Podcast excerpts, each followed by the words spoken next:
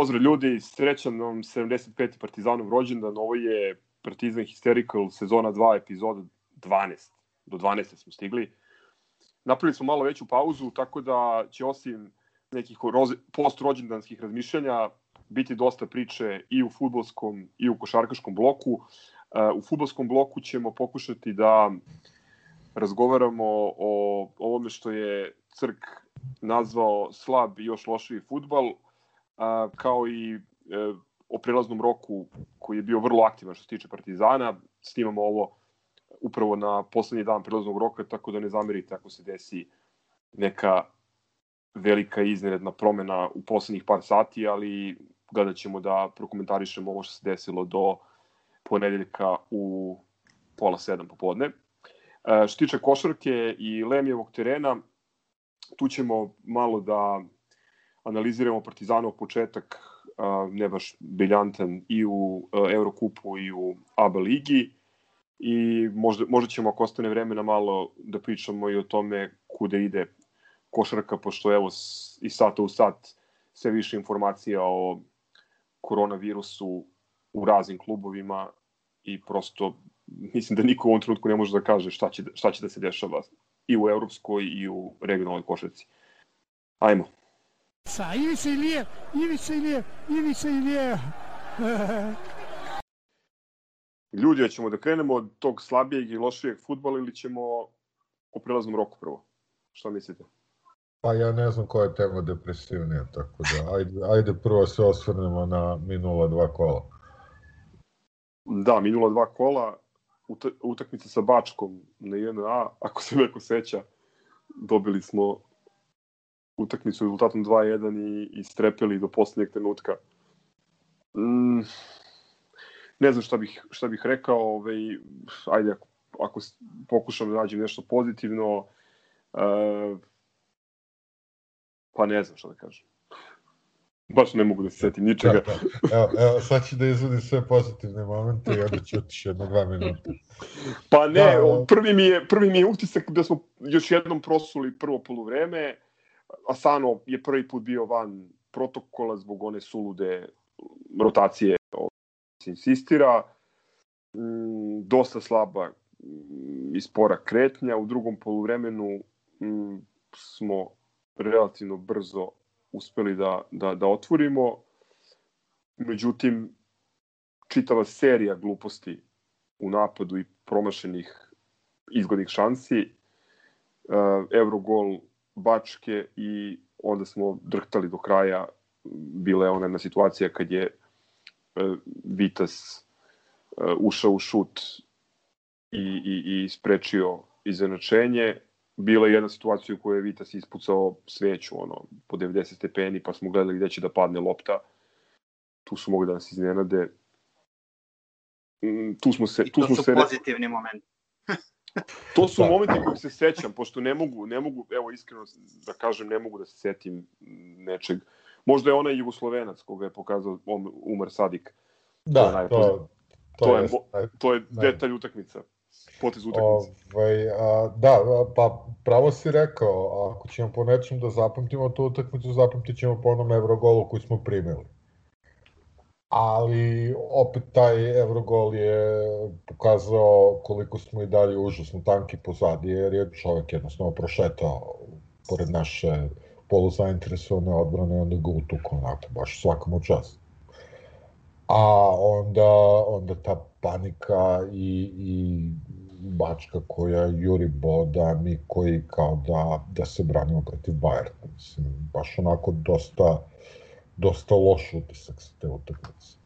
I kao da te neke, neke stvari koje su, koje su izgledale kao da, da kreću na bolje, kao da, da sad imamo ideju kako ćemo da igramo protiv uh, bunkeraša, da idemo na, na neke šuteve, da koristimo prekide, to je sve isprvo za, za dve utakmice i mene to dosta brine.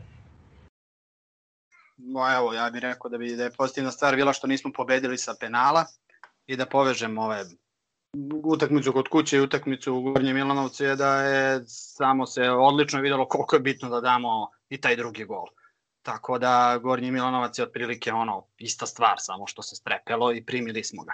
A da smo dali drugi, kao što u komentaru za vreme utakmice Dušan jednom trenutku reče, to bi bilo to na stranu i, i mislim naravno imali smo igrača više što je još debeli minus. Sad ja preskačem na ovo drugo, ali prosto to je to protiv ovakvih utak protiv ovakvih ekipa, ovakvim utakmicama koje smo ovaj dokazali već stoti put da ne umemo da igramo, moramo da napravimo dva razlike i da bi u zadnjih 20 minuta koliko toliko ušli bez bez uh, pritiska 1000 sa sa 800.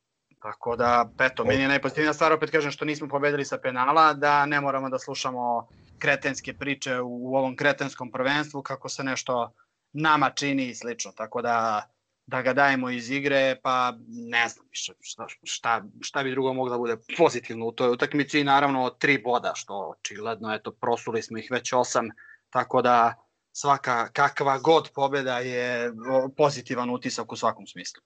E ovako, pošto je umeđu vremenu, tokom ovaj, našeg razgovora, Almerija zvanično objavila da je njihov novi futbaler i novi, nova devetka Umar Sadik. Možemo da zaključimo da je, da je Sadik protiv Bačke prošetao poslednji put Čirokanu na 1A i da je dao poslednji gol za Partizan posle lepe kombinacije, odnosno asistencije uh, Sejdube Sume. I prvi bio... poslednji put pokazuje Jugoslovenci. Da, i ostaće, ostaće nedorečen, mada kaže da je komunicirao sa rodbinom i, i prijateljima koji su bili na, tribin, na tribinama na kojima nije bilo nikoga. Ajde, ovaj, neka, ostane, neka ostane misterija kome je e, poslao pozdrav. E, Gogec je prešao na, na Milanovac, to nam je svima onako sveži utisak i zbog još dva prosuta boda i zbog toga što ti si Gogec rekao da ne bi voleo da, da pobeđujemo penalima, ja iskreno da budem, uh, imam tu onako jednu nedoumicu. S jedne strane, slažem se s tobom, izgleda ružno, uh, ali onaj start nad Matićem u, u finišu utakmice po meni bio jedan esterac. Sad ne poredim to... Ne da ne bi voleo, nego, izvini sa što te prekida, ne da ne bi voleo, nego prosto na, da je mnogo uh, lakše za ovaj kardiovaskular, kardiovaskularni sistem prosječnog igrača Partizana da dobijamo iz igre, a ne da čekamo penale, koliko god oni bili opravdani, ali čisto, nemam ništa protiv penala, pogotovo ne ovakve ligi, ali je, čisto je.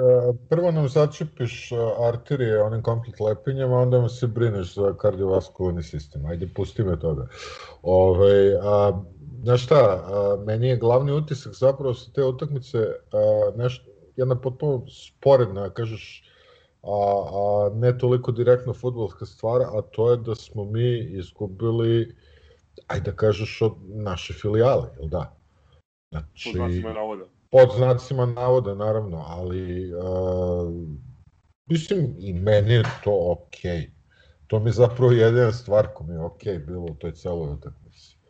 Inače, ponovo pokazali svu svoju slabost protiv protivnika koji nam zaista nije futbolski dorastao ni po kom eto, mi prosipamo dodatne dva boda, ja sam iskazao sa svoj defetizam, sećate se odmah na kraju utakmice kad sam se oprostio od ove sezone, a i bojim se nisam pogrešio i dalje me drži taj neki osjećaj da, eto, igraćemo neki futbol,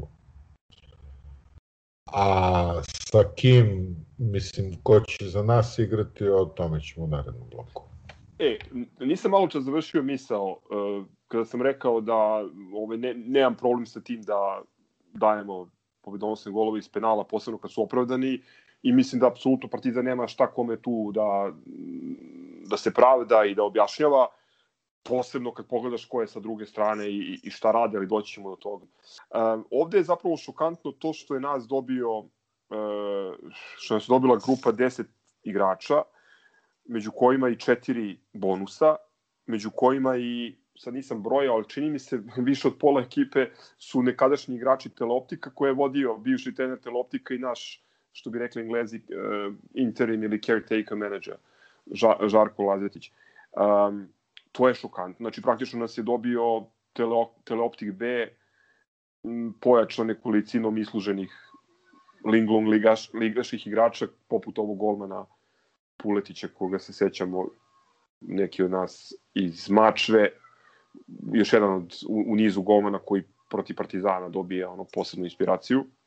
E sad, ako ima nešto pozitivno, to je e, dok, ova utakmica je dokaz da Partizan igra takmičarske utakmice, jer ako ti u ovakvoj situaciji prospeš bodove protiv et, eto ekipe koju su u najavama oglasili za našu drugu filijalu, e, onda tu nema više šta da se doda i šta kome da se, da se crta. Žarko Lazetić fenomenalnu izjavu na kraju. Uh, rekao je, uh, Partizan i Metalac su pokazali da su gospodski klubovi, da igraju futbol i normalne utakmice.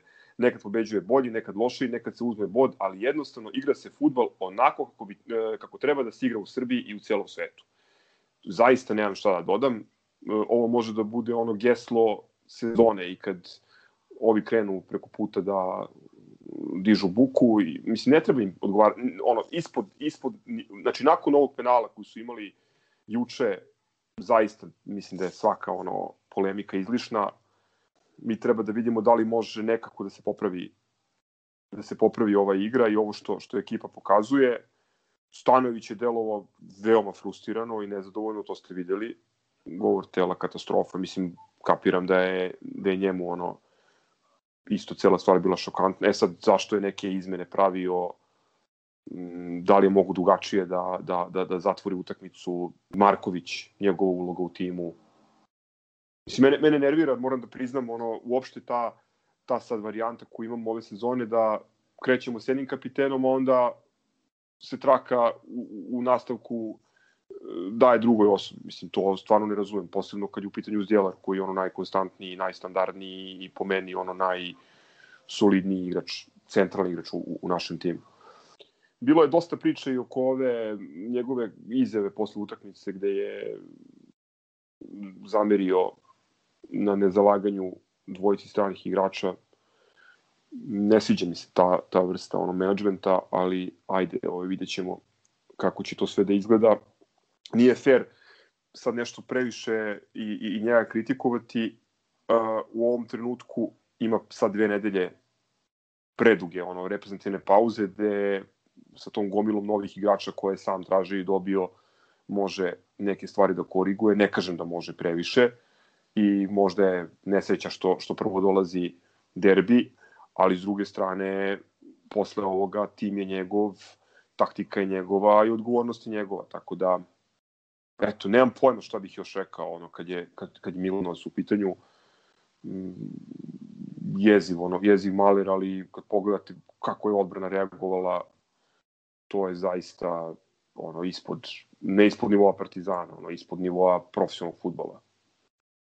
Ja bi se nadovezao na onu izjavu Lazetića, mi smo svoje šanse imali i nismo ih iskoristili. Znači ono, klasičnim onim futbolskim žargonom stigla nas je kazna i to sa igračem manje, koji put u zadnjih, samo godinu dana smo ovaj, prosipali bodove i plasmane dalje i slično sa igračem više, Tako da samo se bojim da nam to ne postane neka ono praksa gde kad treba da dodamo gas i izgazimo da mi posrnemo, povučemo se, a tad apsolutno sa onim to... ovaj, trilingom pozadi vrlo smo, užasno smo kritični, ovaj, iako sam ja slavim za najvećeg optimistu, ali prosto neke stvari su preočigledne da, da bi mogle da se friziraju i da se žmuri, da se živi u nekim zabludama Mislim, kad reče već e, to za skandalozne nastupe sa igračem manje, a, bolje da ne razmišljamo o tome jer ćemo ponovo početi da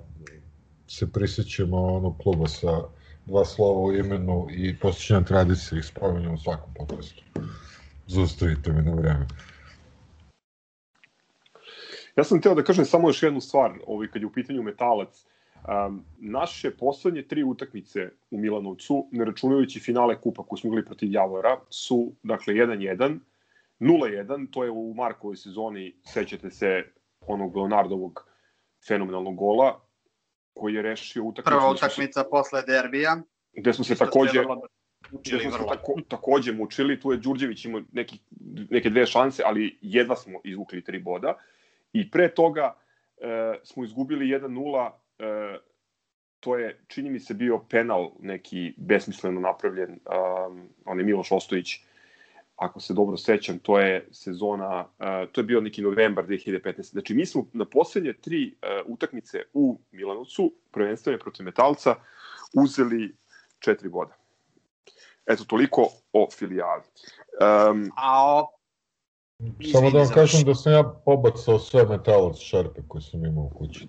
Ma ne, legitimno, lepo le, rekao Lazić, mislim, kamo sreće da se igraju tako, ali, ali Naravno, da, se igraju, da se igraju se, tako, da se igraju tako mi ne bi iz ono epizode epizodu pričali o, o ne, ne bi doživljavali prosto kubitak svakog boda kao kraj sveta nego meni bilo to, normalno kao što to izjava izjava sezone ne ne ono izjava nedelje ili to mi je izjava sezone izjava zadnjih do 10 sezona. Da. I evo, mislim, otprilike i igra se kakav god je kvalitet futbala, odnosno ne kvalitet u Ling Long cirkusu i ostale utakmice, evo ta nazovi svemoćna Vojvodina, otresao ih je Novi Pazar za 45 minuta, oni ne znaju gde udaraju. Znači, šta se dešava u ovim jačim ligama? To je sasvim normalno. Samo jedan klub igra revijalne utakmice sa Ghostbusters penalima i, i, i sličnim ovaj, cirkus varijantama, tako da, ono, mi smo u, u nekoj silaznoj putanji, isto nisam bio lenj, bacio sam pogled na naše utakmice u gostima uopšte u poslednjih, ne znam koliko zahvata onaj flash score, ali to je katastrofalna ovaj one zeleno-crvena varijanta. Mi smo u svim takmičenjima vrlo loši već neko vreme ovaj u gostima. Znači postajemo vrlo nismo dominantni čak ni u ovom prvenstvu i nismo sigurni. Imamo previše poraza i previše nerešenih utakmica na strani tako da bojim se da će nama do kraja ovog prvenstva manje više gotovo svaka utakmica u gostima biti problem, da više ne možemo da, da, da nemamo ono sigurno. Trebali bi da pobedimo, ali bojim se da više nemamo ni jednu jedinu utakmicu što je pokazuje Novi Pazar, evo i Gornji Milanovac, vidjet ćemo šta će biti dalje, da je Bože da se to promeni, ali mislim da nismo vezali tri pobede u gostima, ko zna od kada. Upravo to sam i hteo da kažem, pri čemu smo mi igrali, ako se ne varam, uglavnom sa ekipama iz donjeg dela tabele. I tu smo se mučili, nismo pokazali bog zna kakvu igru i ovo sad ovo ovo se ne tiče samo e, Partizana pod Stanojevićem, ovo je, kao što si ti Goran rekao, mnogo, mnogo širi i ozbiljniji problem, ali opet s druge strane, kažem, ne treba možda biti ni prestrog prema našim igračima, naravno da očekuješ da ovaj, dobiješ igrače koji nisu prošli ni u teloptiku, koji je neko kao čisto više za, za Partizan, očekuješ da ih dobiješ, mislim, prosto imamo neuporedivi, neuporedivi već, veći budžet od, od svih tih klubova, imamo mnogo bolje pokriven ovaj, pokrivene sve pozicije maltene u timu, bez obzira na, mislim, naravno da nam odbrana nije idealna, ali kakve su odbrane Zlatibora i, i ovaj, napretka. Ali hoću da kažem da tu treba naći neki, neku meru i neki, neki balans između onoga što je realna objektivna kritika i onoga što je neko hejtovanje koje je pojačano samo time što ovi u komšiluku ne mogu da izgube ni od koga to što oni ne mogu da izgube, to je anomalija, a ne činjenica da Partizan može da izgubi bodove od metalca u, u, u Milanovcu. Evo, naveo sam primer dve prethodne utakmice koje nemaju veze ni sa Stanovićem, ni sa Savom Miloševićem, šta više, eto, ta Markova sezona, mi smo tu jedva izvukli živu glavu. Ne, ali ne samo u, u Milanovcu, nego i u, u, u Ivanjici isto, čini mi se Đurđević u poslednjem minutu. Sada ne idem da... Pa da, Ovaj, I tu je bilo na, na, na nož svaka utakmica, ali smo, ono, borili smo se i, i izborili se na kraju. Hoću da kažem samo da ljudi treba malo realnije da sagledaju stvari. Znači, to što mi gubimo bodove, to nije anomalija. Jasno i da, treba, treba u tom svetlu gledati. Živimo, živimo u nenormalnoj državi, a nemojte očekivati normalno prvenstvo, jer je, nažalost, to jedan onako bitnih prioriteta ove sadašnje vlasti. Ove, a sad da ne bude da, da nekako previše kritikujemo ovaj vlast, nije nam ni opozicija mnogo bolje. Sjetite se Jeremića i njegovih priča, setimo se ovoga, UPPR Đilasa, tako da nekako sve dok, sve dok je politika sve dok je politika umešana u sport, nemamo mi čemu da se nadamo. Dobro, sad smo, ako je to sve tako kako smo, kako smo ispričali, ako ne, nema previše osnova za optimizam i za uh, neka nadanja. mi, mi, mi drugovi dovedu smo sedam, čini mi se, igrača ukupno na kraju, uključujući i Banjaka i Miljkovića. Evo, u poslednja dva dana smo doveli uh, 1, 2, 3, 4, 5 igrača, ako se, ako se ne varam, i ostali smo bez najboljeg strela. Može jedno samo pitanje, ovaj, da, da li se neko seća kako se zove onaj, onaj visoki mladi gospodin koga smo doveli na poziciji, ne znam, ovaj, i, i gde je on sada i šta radi, da li uopšte trenira i da li uopšte konkurenciji za bilo kakav teleoptik ili, ili slično, a vodi se i dalje kao naše, nazovi, pojačanje. Kako se zove taj? Dušan Lalatović. E, taj, Dušan da. Lalatović poslat u teleoptik. Pa eto, znači, Ali to, nisam proverio da li je igrao za vikend. Ne, ne, nego ali čisto eto, znači toliko o tome, to, to su nam bila, po- pričamo o prosutim bodovima, o sezoni ovakvoj onakvoj, a to nam je bilo jedno od, po znacima navoda, pojačanja do ovih prethodnih 48 sati kada se desilo svašta. Ovaj, tako da toliko i, i, i o tome kako se radi u našem klubu, što je suština problema ovaj, najpre, Pa ne. pa onda drugo. tu si, tu si nabog Gogec, stvarno ovaj ključno, ključno pitanje. Mislim, da li je bilo neophodno čekati posljednja tri dana prelazna ro, roka ovaj, ispadak, ispadanje iz Evrope i odlazak trenera i ceo ovaj haos koji je nastao, da li je bilo neophodno to sve čekati, pa izaći na tržište ili, ili nešto od ovoga mogu da se uradi ranije. Ok, znam da su neki od ovih igrača ili većina od ovih igrača uh, bili u kontaktu sa Stanojevićem i tako dalje, međutim i Lijev je bio uključen u njihovo dovođenje. I, znamo da je i sam Milošević tražio da mu se pojača tim. Pričali smo o nekim rupama, mislim ne samo mi, to je ono opšte mesto, mislim da svi navijači Partizana znaju već godinu dana koje su dve ili tri najkritičnije pozicije u, u ekipi. Zašto je moralo se desi Šarloa, zašto smo morali da ovaj, dođemo na minus, koliko je sad, minus 8, da što je moralo da se desi ceo ovaj haos sa trenerom, pa tek onda da izađemo na tržište i dovedemo pet igrača za posljednje dva dana. Vrlo ispravno si rekao i a, da dopunim a, zašto se mi sad uopšte pojačavamo za klub. vidi, e, činjenica je da nije Partizan jedini klub koji vidimo neke mnogo ozbiljnije klubove koji se slično ponašaju, između ostalog i Manchester United koji ovaj cijelo leto traži to što im treba, tra, kao traži, traži, traži i na kraju klasičan ono panic buy u smiren prelaznog roka da se kao zadovolje navijači. Tako mi se čini da, da, da i naša uprava rezonuje već godinama, da ne gleda šta, šta nam zapravo treba, već možda šta bi navijačima bilo okej okay, i okej, okay, stvarno taj Zeka Jović ne možeš da kažeš nešto loše, uvek je dobrodošao, mislim da je još u dobrim godinama, da je u dobrom stanju, igrao je ozbiljan futbal i to je sve super. Ali i ajde da kažemo da je ovaj Francuz, da se čekalo da se reši status Sadika. Mislim, ne daj Bože da mi imamo dva, dva dobra napadača u istom trenutku. Ono. Ali, ali šta si čekao sa Ivanom Obradovićem i sa ko je još došao? Sveta Marković. Druga stvar, šta će ti Sveta Marković? Mislim, stvarno, ono... Kao bonus igrač. A i, i dalje se, aha, i dalje se vodi, e, dobro, onda, onda, ajde da kažem da je to dobar argument, ali, mislim, ako stvarno mislimo da će onda nam reši pitanje, ovaj, probleme u odbrani, Ženi, ja stvarno radi bih gledao Popa na golu nego sve tu na klupi. Realno, tako da to Da, što ali- bonus igrač, smo tipa, mislim, mi smo bili popustljivi zaista prema Sveti, nismo mu mnogo zamerali. Ali kad ti realno pogledaš koliko on kikseva imao, pa jebe mu mater, baš. E, tu se ne slažem sa većinom ljudi, ob, ovaj, obrazložit ću zbog čega, samo moram prvo da odgovorim Miletu na Man United i na Panic Buy. Uh, panic Buying, uh, znači slažem se s tobom da imamo primere takve posebno u, u, u Engleskoj gde je prosto cela ova situacija sa koronom, lockdownom, uh, skraćenom sezonom, prethodnom, kasnim početkom ove, to je sve uticalo na, na pomeranje tog kalendara. Međutim, za razliku od Manchester Uniteda, nama se sudbina u velikoj meri sezone cele određuje u, u, u avgustu i septembru.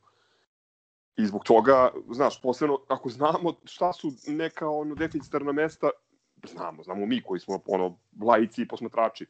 I o tome pričamo već godinu dana. Znači, prosto mi je nevjerovatno da eto, to nije moglo da se, da se rešava.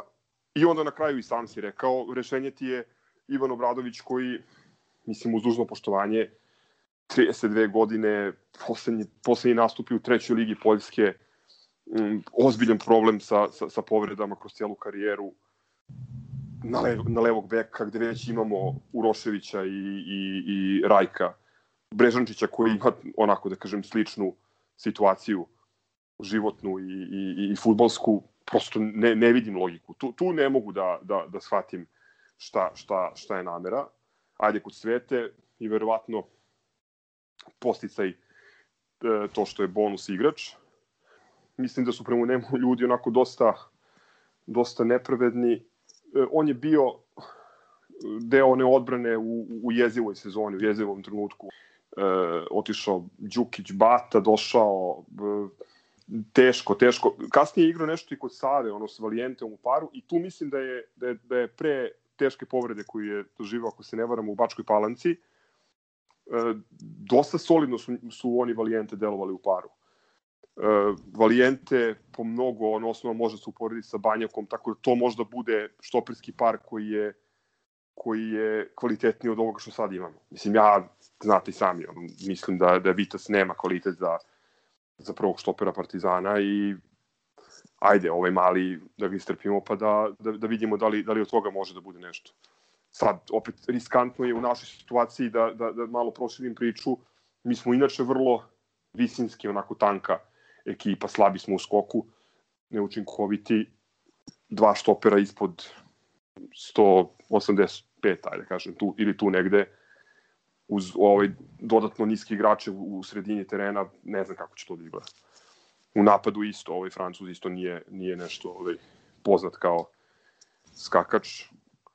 Uh, Holender koga smo doveli takođe brz, on eksplozivan igrač, ali nizak. Zeka, svi znamo kakav je. Biće to, ovaj, biće to interesantno kad, kad je reč o, o, o prekidima. Ovaj, neko je rekao, to mi je isto onako interesantan komentar na naš prilazni rok, da je ovo kao ono neki reunion, ono, po, odnosno, ne znam, desetogodišnjica mature, pa se okuplja, okuplja društvo, samo fale, ne znam, Prince Teigo, Kleo i, i, i Boja Stanković. Pa ne, ja, ja bih pre rekao da, da Stano baš ono rizikuje da dobije novi nadimak, a to je nekromancer, mislim, sa, sa vraćanjem ljudi iz mrtvih bez nekog uh, pretrano jasnog razloga, jer ako nam je Miljković bio zaista jedino prvo rešenje kao srpski igrač na desnom beku, onda ajde još i to da mu popustim, ali gde Obradović, zašto, kome, čemu? Mislim, ne znam, potpuno ne znam, ne znam, prvo, prvo mi ne znam zašto se mi sad pojačamo. A nek meni neko kaže kakav je ovaj Francuz u stvari. Ovo ostalo sve sam ispratio, mogao da čujem, vidim, ali to mi je dalje nekako sam to malo ovaj, ispustio, jer tu ima materijala, to je nešto. Ko, on liči najviše na šta što smo imali u zadnjih par sezona. Stvarno nemam ideju. Meni liči, meni liči na nešto nižu verziju Ricarda. E, klasičan gol igrač, može da igra i po strani, e, bolji od Ricarda u smislu da koristi odlično jednu i drugu nogu, ali nešto slabije u skoku.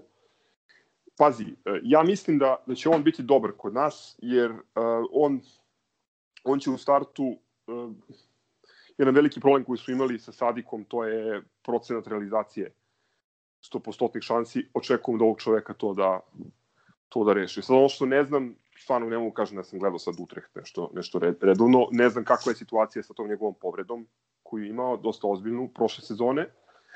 Um, takođe vidim da je dosta menjao klubove kad je bio na pozemici, pozemicama iz uh, Paris Saint-Germaina. Um, mislim, takvi igrači su kod nas, na kraju krajeva i Sadik, ovaj, takvi igrači su kod nas prolazili i uspevali da se snađu i da naprave ono veliki iskorak u karijeri. On je tu u tim nekim zrelim godinama, koliko na 26-27 godina, potpisao na tri godine, tako da uh, ne znam, ajde kažem, ja mislim, ja mislim da tu možemo da, da očekujemo dobre stvari ako se bude brzo prilagodio. To je sad Dobro, isto jedna... On mi nije sporan, on mi nije sporan, Zeka mi nije sporan, ali molim. Slažem se, slažem se. Meni, meni, meni i Holender nije spor. Meni Holender, ovaj, po meni je to odlično počanje. Ne znam kome je pao na pamet, kogod daje, da je to Ilijev ili Sam Stanović, svaka čast. Uh, zato što prvo igrač koji je domaći, vodi se kao domaći, je rođen i odrastao u Kragujevcu, bez obzira što od, čini mi se, 14. 15. godine živi i radi, što bi rekli, u, u, u Mađarskoj, posle toga u Švajcarskoj. Moći ćemo sada da ga gledamo. Čak mislim da je, da je na spisku, pa da, jeste. Igraće i protiv Srbije, Mađarska, neku prijateljsku, čini mi se, u ovoj pauzi, tako da ćemo eto moći da ga, da ga gledamo uživo. Ako neko, ako neko baš gleda reprezentaciju. pa eto, nateraj se da gleda zbog Mitrovića i zbog Holendera, a možda i Djelar zaigra, pošto čujem da ga je da ga je Tumbaković pozvao na taj neki prošireni, prošireni, prošireni spisak. Pa, možda ako Stjelar zaigra, možda fan klub zaista. Eto, gled, da gledamo Holendera i, i, i Mađarsku i Mitrovića. O, u svakom slučaju, ovaj, mislim da on daje puno opcija. On može da igra i, i lažnu devetku i može da igra po krilu, može da igra čak i ako Stanojević sad odluči da odmah menja formaciju, što mislim da je možda bilo preriskantno za derbi gde imaš pet igrača koji se nikad nisu videli pre, pre ovog treninga koji treba da se desi u sredu, a i tu neće se biti prisutni. Da, može da ga stavi da igra, da igra levo, levog spoljnika, pa da drži celu stranu. Ali daje, daje dosta opcija. I, I to je ono što je nama falilo zapravo najviše recimo u tom, u tom nesrećnom trećem kolu u, u Belgiji, taj neki igrač koji ulazi sa, sa klupe i koji može da unese pometnju, da donese neki novi impuls, neku novu energiju, da promeni ritam utakmice. Ono što ja ne vidim... Jasno, o tome smo pričali, znači mi da. smo krenuli sa užasno kratkom klupom, sa stolicom, a ne klupom. Mislim, što ti kad pogledaš, to, to. Ti kad pogledaš po imenima, naša sredina terena deluje neverovatno jako. E sad, kako će on to da ukomponuje? Da li mogu da igraju zajedno Zeka, Natko, Suma, gde ćeš sa Zdjelarom? onda taj problem skoka koji sam pomenuo, znači tu, tu Šćekić je očigledna, ovaj, da kažem, pomoć, ali gde ćeš njega da staviš? Um, sad, da li će visoko uh, sa strane da igraju Holender i, i, i Lutovac ili će Holender da ide uh, da bude iza Francuza? Um, nemam pojma, mislim. U svakom slučaju ima, ima sad puno opcija. Da, Marković, Lazar Marković, šta je s njim? Mislim, on je po meni... Imamo tim formaciju 1-7-2. Bukvalno. Pri čemu je ovaj jedan pozadi Miljković koji igra sve.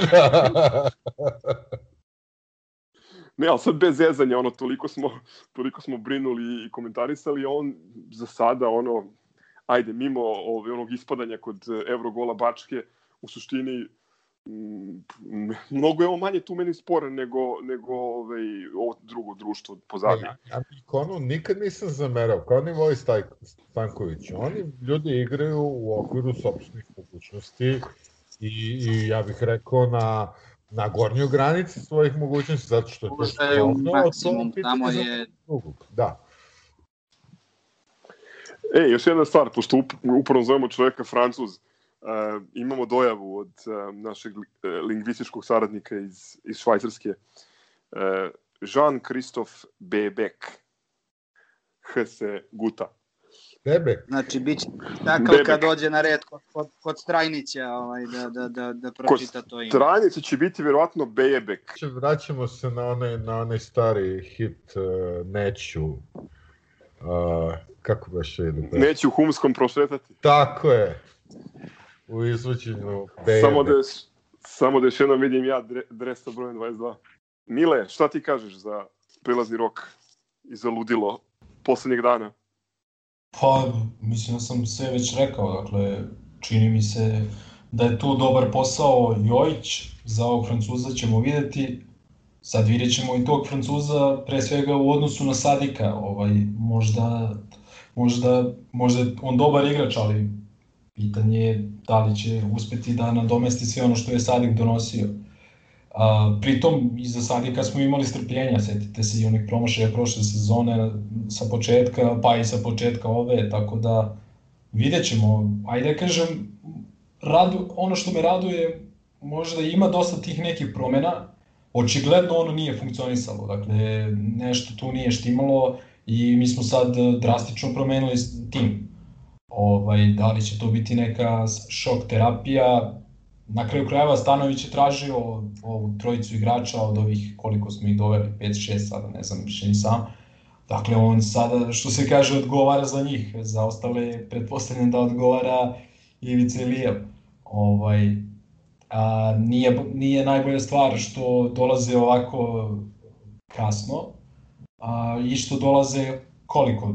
Nepune dve nedelje pred najveću utakmicu koju ćemo igrati u ovoj sezoni, najbitniju, jer prosto nam ništa Ništa ne slažem se, jer najveću utakmicu smo izgubili već u Belgiji, tako da... Ne, ne, ne, ne, ne, ne. Uh, rekao sam koja nam ostaje u sezoni. To da. O, to, tako da... Ali, ali ne bih ni sad pravio dramu oko toga. I nekako, gledam, ako nam je ovo ulog za onu tamo sezonu, da sad i mi počnemo sa onom mantrom sledeće sezone, onda je to okej. Okay ali ako smo doveli igrača da osvojimo kup, šta džaba smo krećali.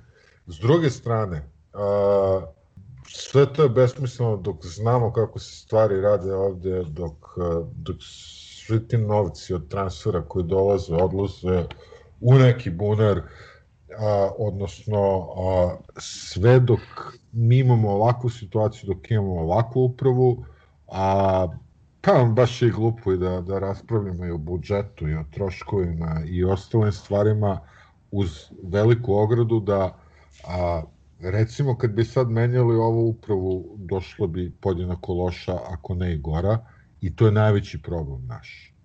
To je naš najveći problem što oko tog futbolskog kluba a, zbog, a, ja bih rekao već decenijama vladavine bahatih i neodgovornih, su se razbežali apsolutno svi normalni ljudi. I ako se setite i pokojni Antić je imao samo neku onako protokolarnu funkciju jedno vreme u prvi, čovjek jednostavno neće da ugazi u govna. I dok je takva stvar, ja, bit će sve to, pričat ćemo ovu priču, ako poživi podcast, bojim se stotina epizoda. Gazo, je li nam ostala neka grunf majica? Ovaj... Crk, Crk, boga mi istakao jaku kandidaturu za... Ja se izvinjam što sam Captain Obvious, ali, ali ne, nekako mi to, to, to mi se sve vreme mota po glavi, uh, s čim se mi uopšte zamajavamo. Ono, kao, Pa baš zato, baš zato sam i rekao, jednostavno gledat ću da sebe poštedim u nastavku sezone nerviranja protiv e, Bački i Mačvi i ne znam nija čega, jednostavno meni je derbi najbitnija utakmica u sezoni inače, a sada u ovoj, ovoj situaciji bez Evrope pogotovo. Evo, bar da se uznamo u, u jako dobru statistiku stane u derbima, tako da ajde vidimo. Ne znam, ja, ja ne bih da komentarišemo to kao budžete, transferi i tako dalje, tamo gde nemamo informacije, ovo kod Sadika deluje jako ono, nejasno, još uvek postoje ono tri ili četiri verzije trenutno, Španci obično... A nije, ono između 5 i 150 je bilo. Ono, kao pa da, 5, ja pa sam... sa bonusima 9, ne znam. Pa ne, ja sam što... video, ja sam video tri verzije, ono, pričamo Španci su obično jako precizni i te, te stvari se ne kriju, znaš, imaš opciju to 5 plus 4, imaš 9, imaš 9, 9 miliona funti, imaš 9 i procenti, to nije, to nije, uz naravno napomenu da ovaj, smo mi dužni i Romi 10% transfera po onom dogovoru, ako sećate, kad je Sadikov ugovor otkupljen. Tako da... Niko Ferče. Ferče. Ma, Ferče, naravno. Da, ali glupo je pričati o, o, o tim stvarima na pamet. Mislim, vidjet ćemo. Ono... Jedan, je, meni je osnovni problem kluba a, je što mi to ne znamo. I što nismo, ne znamo sad kao što nismo znali dok je Krojeć bio ovaj, predsednik, kao što nismo znali u doba a, Bjekovića i Zečevića, to, to je glavni problem, a to, da kažeš, užasno nedomaćinsko poslovanje, gde ljudi isisavaju pare iz kluba, Tako da ovaj, sad ja da se radujem nekom visokom transferu, odmah se setim toga da će te pare dodane namenski, a da oni ljudi koji rade na stadionu neće dobiti platu. Mislim, a to setit ćemo te priče pre, kako, dva, dva i po meseca, kako smo mirni od prodaje ovaj, Pavlovića i da ove godine čak ni Liga Evrope nije ovaj, prioritet. Da finansijski stabilni obi i onda evo dva, dva meseca kasnije je frka panika, živimo od prodaje igrača, tako da ovaj, toliko o tome. Znači, ok, baš pre neki dan neko je pitao ko to pamti, evo ja pamtim ovaj, da nije bilo pre dve sezone, ovaj, nego je bilo pre krajem jula, sam i kada te izjave, znači krajem jula je bila bukvalno varijanta stabilni smo, prodali smo veliki transfer i baistinu je veliki transfer, mirni smo, kako kažu, 12-13 miliona je budžet za sve, za godinu dana ovaj, i eto, sad opet 5 plus XY i, i tako dalje i tako dalje. Priča se već da će ovog malog, ali ajde što kažu da ne, ne bude insajderske, priče i pričice, ali ovaj, kakav tim za sledeću sezonu. Ono, mi ne znamo kakav ćemo tim da imamo za dve nedelje, a ne sledeće sezone.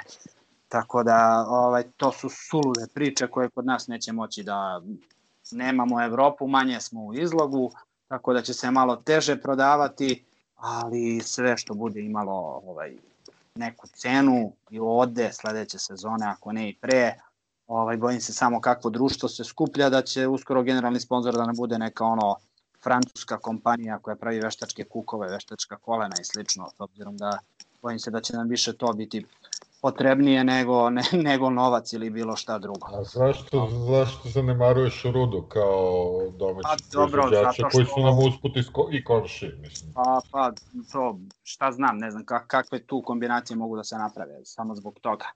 Ove, Eto ti ga Gogec optimista. Mene samo još jedna stvar zanima, o, i, što se mene tiče, to, sti, sa time možemo da zatvorimo ovaj futbolski deo, mislim da smo otišli predaleko. Uh, to je uh, kakva će uloga biti sume u ovoj novoj Stanovićevoj postavci, formaciji, slačionici i tako dalje. Ja moram da priznam da sam, mislim to znate vrlo dobro da sam fan Sume i mislim da je to jedan od uh, igrača koji pod jedan igra i pravi razliku na najtežim i najvažnijim utakmicama i da ništa nije uradio u Partizanu osim što je dao, ne znam, gol Videotonu, onaj penal na, na derbiju, onaj, onu pračku na derbiju, a, gol Moldeu u Beogradu i gol uh, Malati iz penala, to je već dosta golova, da ništa osim toga nije uradio. Ovi više Laze se... Alkmaru, gol Da, da, ali ovo su golovi koji su ovo su golovi koji su donosili ono veliki rezu, važan rezultat ili prolaz, prolaz dalje direktno. Mislim da ovaj, je apsurdno je sad mi da pričamo o tome da li je suma vrede onoliko koliko je vredeo posebno šta se sve izdogađalo umeđu vremenu. Elem, e, osim toga, osim tog kvaliteta koji je nesporan po meni, videli smo i da on zahteva da kažem, poseban odnos sa, sa trenerom, tako da smo imali tu ekstremni primer negativan kod Đukića koji ga je gurao na krilo i vadio čim dva puta izgubi loptu ili se ne vrati, ne stavi radnički kombinezon kako je govorio, pa je završio čovek u, u, u Izraelu, u Haifi, gde je bio, nemam pojma, onda ga je Savo rehabilitovao, pa to, to je bio po meni njegov, njegov učinak, ne samo golgeterski, nego to koliko je Sadik golova dao, zahvaljujući suminim razigravanjima u prošloj sezoni i na kraju na početku ove. Uh, mislim da su i neki drugi igrači oko njega delovali mnogo, mnogo kvalitetnije. Raspoloženi suma može da bude ono naj, najatraktivniji i naj, da kažem, kvalitetniji ofenzivni igrač u ligi. Raspoloženi su. E sad, šta će Stanović da uradi sa njim, gde, gde mu vidi mesto, prilično je gužva tu na tim centralnim pozicijama. Šta vi mislite? Pa meni deluje da, ne da, da, izvini sad, ovaj, kako se zove, da ne znam, meni deluje da ide to malo, plus minus, da će sad opet da bude neka minus faza. Daj Bože da grešim, ali mislim da će se Stanović okrenuti nekim drugim rešenjima. Nije da ih nema, e sad samo pitanje da, koliko će da ubode, a suma je definitivno ono što reče ovaj, to, kad je raspoložen, uh, igra se sa Manchester Unitedom, kad nije raspoložen, izgleda kao rekreativac i protiv Surdulite i, u Gornjem Milanovcu i, i protiv Vačke, tako da ovaj, publika uglavnom ne voli takve igrače od koji zna da može mnogo da očekuje, a prosto kako mu je dan ili kako je raspoložen. Tako da zbog toga većina ljudi nije fan. ja realno sam fan, ja sam verovao u njega. Ovaj, i, i, i kad nije to išlo kako treba, pretpostavljao sam da može, što se ispostavilo da može, sad kako će sve to da izgleda, bojim se samo da ne dođemo u onu situaciju kao i sa svim većinom dobrih i stranih igrača kod nas, da će u nekom trenutku da shvate ako nije u, u opcijama da je mnogo skup i da će gledati na, na sve načine da, da se otara se, ali vidjet ćemo opet. S druge strane, kao što reče, na toj poziciji smo naj, najpokrive, na tim pozicijama smo najpokriveniji, tako da eto, to me možda najmanje i brine u neku ruku, zato što, ne znam, nije, nije pozadi pa da dramimo, ali opet valjao bi nam dobar suma, posebno utakmicama kao što su derbi, kao što reče. Odnosno, ove sezone kao što je derbi. Tačka. A ne znam, meni je dovođenje Jojića poprilično dovelo pod pitanje status sume. Pošto, eto, kao, deluje da, da Stanoje nije neki veliki fan, pa ne znam, vidjet ćemo. S druge strane, a, sve ono dobro što smo videli u utakmici u Belgiji, ovaj, je bilo... On je iskrirao. Njegova kreacija, do duše i dosta loših stvari, pored nekih zicera koje, koje morao da da, ali definitivno jedan po meni igrač koji je vredan, a sad da li će ga stano istrpeti ili ne, na kraju krajeva njemu će ići na dušu to odluka. Lemi? Ništa, baš, baš nemam nešto, baš nemam nikakav komentar. Zato što, zato što ne veruješ u sumu ili zato što veruješ ne, da ne, ne, ne. ne voli strance? Ne, ne, ne ba, baš zato što ne verujem, ni, ne verujem u to drugo, a što se tiče što se tiče sume, verujem u taj, u njegov, mislim, golim okom se vidi da, da, je, da je jako talentovan igrač u pitanju, ali ovaj, prosto ume da me frustrira mene kao gledalca, a mogu misliti kako zna da frustrira trenera. Ja se, kažem, i taj taj crveni karton u Novom Sadu, bez obzira da li su trebali obojice da dobiju ili to po meni potpuno nepotrebno kad ti imaš potpunu kontrolu utakmice, ne smeš sebi to da dozvoliš kao profesionalac, ali ovaj, tako da, da kažem, čudan igrač, ono, nikad ne znaš na čemu si ovaj, sa njima, ali da je najkreativniji igrač u našem, našem timu, to sigurno. Ajde ništa da zatvorimo futbolski deo priče ovaj time da, da se nadamo da će u toj novoj viziji ili novoj ekipi ili ekipi u formiranju Suma imati značajnu ulogu i da će to već pokazati eto 17. 10. Ma da se na... nadamo da ćemo da odvolimo Romuljagi u derbiju, pa onda posle lagano. Da, bitna, na, bitna napomena deluje da ipak neće biti sa publikom, iako su sezonske karte uh, počele da se prodaju i ono, pozivamo ljude da bez obzira na sve podrže oba naša kluba e, koje prodaju sezonske karte, a da podrže i manje klubove koji su nas jedini obradovali tokom ovog rođendanskog vikenda. Tu mislim na e, rukometaše pre svih, zatim i, i vaterpoliste i obe ragbi ekipe i u 15 i u 13 Ništa, ovaj, posle derbija kup dobili smo protivnika u, u prvom kolu u kome učestvujemo, e, to je Bačka opet na, na JNA, vidjet ćemo kako će to da izgleda. Mislim da je to prva utakmica posle, četiri dana posle derbija. Tako da ovaj, te nedelje će baš biti zanimljivo. Mislim da te nedelje igramo i dve utakmice u Evrokupu. Biće dosta... U tu utakmicu ulazimo ovaj, opušteni, ali sa visokim moralom. Posle pobede u derbiju i lagano dobijemo. Ajde, da se nadamo da je tako. Dakle, niko ne govori otvorno o ovim ciframa, ja nemam šta da krijem, ovo je udruženje građana i Ovo je zajednički timski rad, e, niko ovde ništa ne krade, nego prosto mi e, smo napravili dobre i kvalitetne rezultate, a u Srbiji se sve prašta iz uspeha. Pa, šta da se kaže posle dve ovakve utakmice kakve je imao naš klub, a, pre svega mislim da su svi navijači Partizana željno iščekivali taj start sezone i prvu zvaničnu utakmicu posle koliko, šest meseci, praktično bez bez zvaničnih utakmica KK i mislim da su nakon ove dve, mislim da im je dosta nakon ove dve utakmice i mislim da smo zreli za neku novu pauzu. Ove, ovaj, krenuli smo takmičenjem u Evrokupu, prva utakmica, kažem opet, e, sećamo se svi da je taj start ABA ligi odložen sa tamo 19. septembra na 3. oktobar i mi smo praktično u Evrokupu ušli bez jedne zvanične utakmice. Ono što sam pričao u prethodnih nekoliko podcasta se obistinilo. Dakle, Partizan jednostavno nije imao dovoljno kvalitetnu proveru ovaj, tokom leta i to je predstavljalo, odnosno vidimo da predstavlja određeni problem. Utakmicu Badaloni smo krenuli jako slabo. Sve što nismo smeli da im dopustimo, dopuštali smo i mislim da su oni u jednom trenutku imali 11-2. Nakon toga smo, da kažem, konsolidovali se, do kraja četvrtine ušli u egal i već od starta druge četvrtine smo onako baš zagospodarili ovaj, igrom, kontrolisali smo rezultat apsolutno do sve negde 2-3 minuta pred kraj treće četvrtine je bilo u nekoliko navrata plus 15.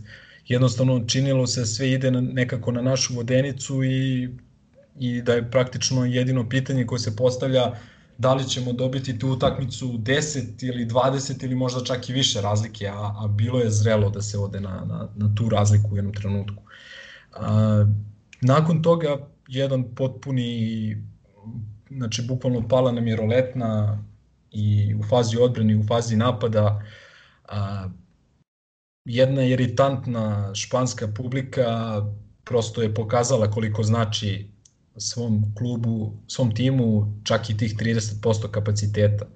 A, imali su udela u toj promeni kriterijuma, ali Partizan nije izgubio po mom mišljenju utakmicu zbog promeni kriterijuma i drago mi je što je čak ni Šćepanović nije, nije nakon utakmice tražio alibi u tome. A, jednostavno prestali smo da radimo ono što, što je bilo zamišljeno, a to je da se kroz uh, pick and roll igru napadaju njihovi visoki igrači, pre svega Tomić i ovaj šveđanin Birgander.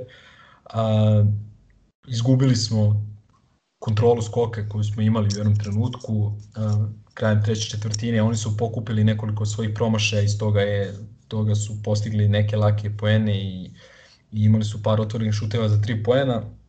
A u četvrtoj četvrtini bukvalno nekoliko puta gubila se koncentracija u odbrani, Jaramaz je par puta ispustio Ribasa koji, koji mu je na backdoor dao lake poene, a, nekoliko ničih lopti nismo uspeli da ih pokupimo, igrači Juventuda su prosto bili agresivniji više su želeli tu loptu.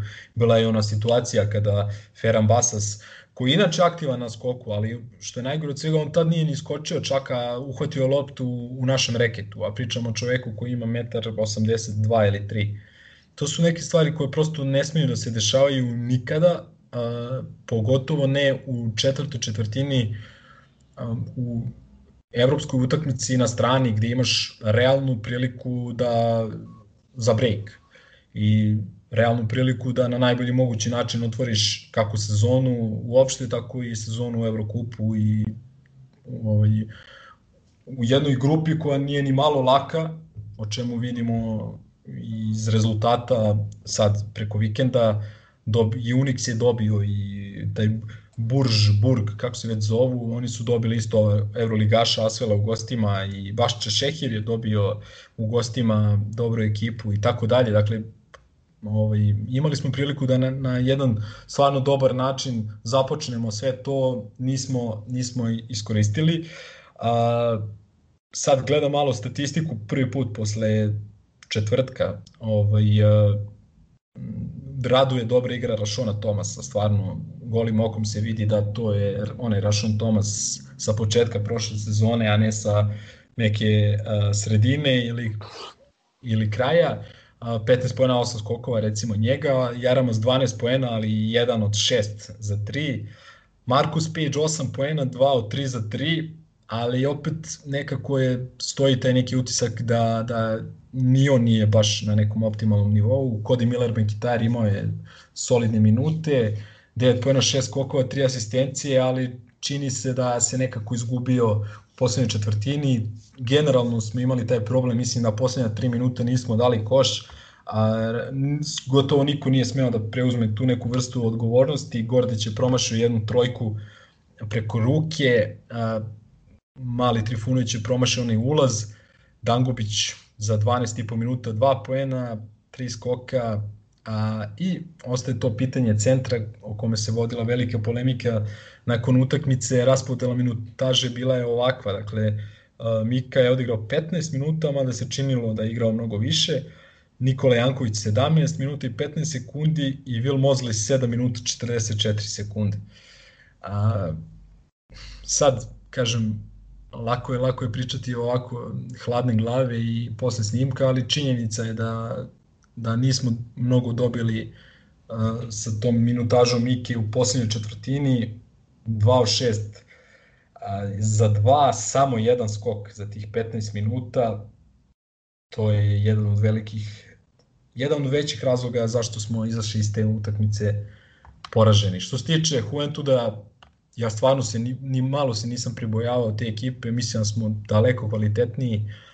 Dobili su nas na kraju na, ne znam, eto, našu, naše te tu crnu rupu koju smo upali na iskustvo Ribasa koji je najveći deo od ovih 18 poena postigao u poslednjoj četvrtini Conor Morgan koji se razigrao u tom nekom a, periodu krajem treći početkom četvrte četvrtine i ovaj mali Dimitrijević odigrao sasvim dobru utakmicu. Tako da to je to, ako ste gledali, a verujem da jeste, kakvi su vaši, vaši utisci? Ja mogu da kažem za početak ono da je ogromna šteta što smo ovo ispustili. ono, ajde da kažem, kandidujem se za Grumfa, samo kandidujem se za Grumfa, ali zaista ono, velika prilika da, da se lepo otvori sezona sa jednim finim brejkom na parketu na kome, kao što si ti rekao u pripremi, niko nije pobedio prethodne tri sezone, tako, u Eurokupu. Da, da, da. To je, to je značajan break, premda, hajde da budemo realni, ovaj Juventud nije baš toliko jak kao, kao nekih ranijih sezona. Vidim da dobro stoje u ACB ligi, pobedili su Andoru za, za vikend, ali mislim da će u ovoj našoj grupi biti tamo ovaj, e, iznenađenja, odnosno bit će timova koji će da se vrate iz, iz Badalone sa... Da, jako interesantno su dobili dve Evrokup ekipe u ACB, dakle dobili su Nikahu i dobili su Andoru. Da, očigledno da su domaća ekipa, pomenuo si faktor publike koje, iako je bilo malo, mislim da je onako iritantno, znala da, da, da pomogne svojoj ekipi da izvrši pritisak u one meri u kojoj je bilo neophodno na, na sudije i to je dalo rezultat. E, dakle, ta promena kriterijuma je definitivno se desila sredinom treće četvrtine, ali mislim, slažem se s tobom, mislim da to nije prevashodni razlog za, za poraz. Mi smo imali na kraju krajeva i onaj tri fin ulaz gde on propao, odnosno loše ovaj, naskočio sa strane. Imali smo um, onaj jedan besmislen faul Jarama za gde, ja ne znam da mu klupa nije, nije sugerisala da, da izlazimo iz bonusa, tu smo im dali dva puta bacanja. Pa nema što da sugeriše klupa, znači on, svaki igrač mora bude svestan, pogotovo to je time out je bio njihov pre toga. Ali tu je, znači... tu je sviran, tu je sviran foul page u napadu, ako se ne vara, moguće da je tu on zabagovo. Mislim, ne, ne, ne pokušavam sad da ga odbranim, nego samo pokušavam da nađem razlog zašto je napravio na sredini terena potpuno glup faul nad igračem protivnika koji je najbolji izvođač penala. O tome se radi. Uh mhm. -huh. imali, smo, imali smo takođe ono dva puta situaciju da, da prelomimo i to me je začudilo da, da, da je falio igrač koji će u tom trenutku da, da preuzme odgovornost, da promeni ritam kad je videlo, mislim jasno se videlo da, da, da je tim ono se zaglavio i da nam je voda ušla u uši. E, imamo jeli Gordića koji se pretplatio na, na, na taj klač, ali falio nam je igrač.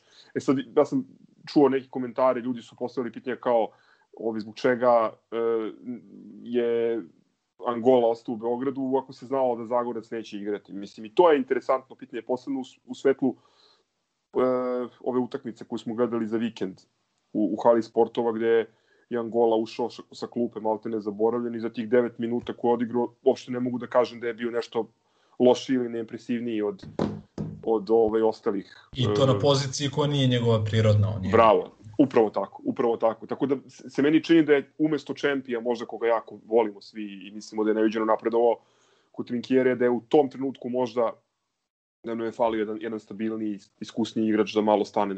Ono što me takođe jako ovaj, ovde iznerviralo je to što smo mi uh, praktično napravili onu razliku u trenutku kada je Tomić stao, napravio penale i e, malo ih je stao šut za tri. Ti si to u onoj najavi utakmice koju sudi mogu da, da vide na Partizanovom kanalu lepo, lepo si iskautirao te njihove e, slabosti i mi smo praktično njih vratili u život i to tako što smo se namestili njihovim igračima iz ono drugog i trećeg reda. Praktično tu su onaj Slovak nesrećni i, i Šeđani koga si pomenuo da kao i Morgan, jeli, da, nam, da, da nas napune i oni su nas dobili. Mislim da je Slovak imao čak devet skokova ili tako nešto. Ove, tu sad opet se postavlja, yes. postavlja se u, pitanje ovaj, centara. E, prerano je i dalje davati neku neku opštiju, ozbiljniju ocenu o Mikinom učeš, učinku, ali uh, fali, fali čvrstine. Fali čvrstine. Uh, to se posebno videlo opet za vikend, gde je Dule Miletić izgledao kao evroligaški centar pored, pored naših ovih igrača. Mislim što je baš onako problematično u najmanju ruku. Pa u najmanju ruku da igrač koji je znamo svi koliko kasno počeo da trenira, koji je kod nas bio višak, koji nije imao mesta, ni to kao neki bench warmer da nas, da nas praktično pobedi e, zajedno sa da li Đokovićem, ne znam ko je pogađao su one trojke. Đoković, da, da, da. da, da. Kako god je trebalo. Da, ja sam sad malo prešao na, na, na subotu. E, zapravo tu su mi utisci mnogo izraženiji i zbog toga što ne mogu da kažem da, da sam očekivao da ćemo dobiti Juventus 100%. Možda jesam posle prvog vremena očekivao da, da, da, da, da realna šansa postoji, ali ajde da kažeš to je onako ruće gostovanje, ali zaista igrati protiv novog abaligaša koji prvi put igra u, na tom nivou e, na domaćem terenu i gubiti 35 minuta, to je to je ono blago rečeno neozbiljno. Tu me opet najviše zabrinula ta vuna igra u reketu, potpuna anarhija što tiče organizacije igre. Ja ne znam, pokušam da se setiti, mislim da je jedan napad nismo postavili normalno, sve, sve je išlo iz neke ono, ajde da kažem, individualne inspiracije, opet je tu Raša Tomas izmišljao one poene i podsjetio na, na svoj početak u Partizanu, što je kao ajde neka pozitivna stvar, ali s druge strane ne mogu da verujem da ne postavimo ni jedan napad za, za, za Markusa Pejđa. Pa bilo je, bilo je u poslednjoj četvrtini onih par njegovih kada fintira blokadu, ovaj, takozvani slip, kad se, kad se odmotao ono, u njegovu levu stranu, ali to je borac jako dobro skautirao i bio je spreman na to, tako da mislim da on imao praktično jedan taj neki otvoren šut iz te akcije.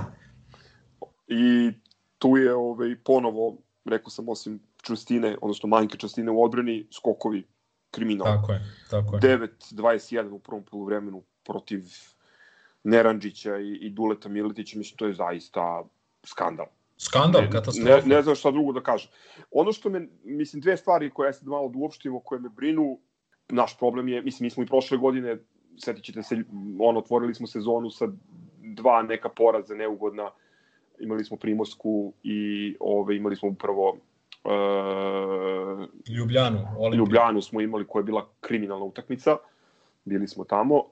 Um, ovde imamo jako neugodan raspored, e, nemamo, nemamo publiku kao dodatni faktor, tako da evo sad protiv budućnosti sledeća utakmica u ABA, kao i protiv Venecije koja je u Evrokupu, koja nas jedina pobedila u Evrokupu u Beogradu prošle sezone. To su dve jako, jako ozbiljne utakmice. Ako ni tu ne, ne napravimo ništa, bojim se da, da tim ulazi u neku lošu atmosferu.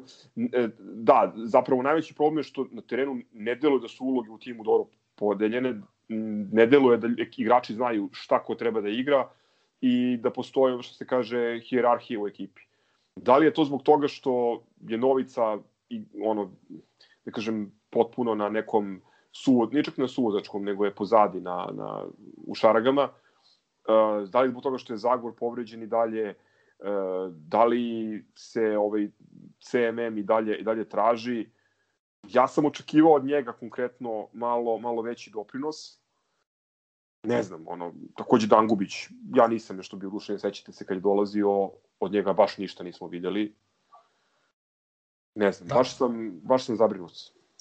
Dangubić je imao par dobrih minuta u, toj, u tom preokretu ovaj, krajem prvi i početkom druge četvrtine u Juventudu protiv Juventuda u Badaloni, e, pre svega naravno defanzivno, ovaj, par puta je uzeo čovjeku živu loptu, ono. ali, ali generalno protiv borca 28 minuta skoro 0 poena, jedan skok, jedna asistencija. Uz dva nerezonska šuta za tri. Pa gde da. Gde nisam dobro. očekivao, dobro, vidite, tu se lopta zadesila kod njega u ruci, ali u obe situacije sam očekivao da bude postavljen napad za nekog drugog, jer smo tada već jurili rezultat. Pa da, po to meni... je po meni veći problem, veći problem te neke koncepcije i ovaj, da kažem možda igre u playmakera ili, ili zamisli trenera, ali, ali na što je interesantno da je Dangubić uh, jedan od trojice igrača ili četvorice koji su imali uh, pozitivan plus minus učinak na kraju utakmice. Jaramaz imao plus 5, a Dangubić plus 4. Ovaj, mada dobro, ta, ta plus minus statistika nešto otkriva, nešto skriva, ali interesantno je da je Zvonko Gordić... Pa, bukvalno, zato što evo, ti kad gledaš Gordića, 13 poena, tri asistencije, set, setimo se imao ti neki dobri moment, ovo ono, ali pogledaš minus 15 dok je on bio na terenu. Znači, očigledno nešto, nešto nije funkcionisalo. Tako da, znaš, treba i biti jako, jako pažljiv, ali stvarno kad pogledaš 28 minuta bez poena, sa jednim skokom, znaš, to je zabrinjavajuće. Ovaj, tako da... Tako da... izvini, Milenko, jedna stvar pre nego što zaboravim, pomenuo si Gordića, e, potpuno je u, u, u drugi plan ili u senci ostala m, informacija da je postao najbolji strelac svih vremena u ABA ligi. Da. Na utakmici. Da, čestitamo mu na tome, ali ovaj, mislim, verujem da, verujem da, da bi se imao više obradovao pobedi, ali ovaj, e, borac katastrofa, katastrofa od prvog do poslednjeg e, minuta, znači, apsolutno, ne znam, protiv da kažem, bilo je stvarno momenta neki, ono, od početka druge, od kraja prve četvrtine pa do kraja treće četvrtine stvarno smo delovali dobro i kao ekipa koja ima potencijal i kao ekipa koja ima čemu da se nada. Protiv borca je bilo sve, sve kontra ovaj, toga, prosto je teško naći da se uhvatiš za nešto da kažeš ovo je pozitivno. Ok, možda ti minuti Angole eh, na, na kecu, gde stvarno smo nekako malo prodisali i doneo je neku agresivnost u odbrani odmah nešto se dešavalo. Takođe Mozli isto nije dobro počeo utakmicu, a, međutim sad ga je Šćepa vratio za razliku od Juventuda gde ga je držao zakucanog. Znači Mozli nije dobro, znači nije dobro igrao on, on, ono, ono malo što je igrao ovaj, u, u Badaloni. Znači nije sada je on igrao sjajno pa da ga je ovaj Šćepa zaboravio na klupi, ali jednostavno uh, mislim da Mozli treba da, da, da igra te završnice koje su na jednu loptu gde igramo sa dosta preuzimanja i to mi isto zanimljivo. Dakle, Šćepanović naravno, kao svaki čovjek na kraju krajeva ima, ima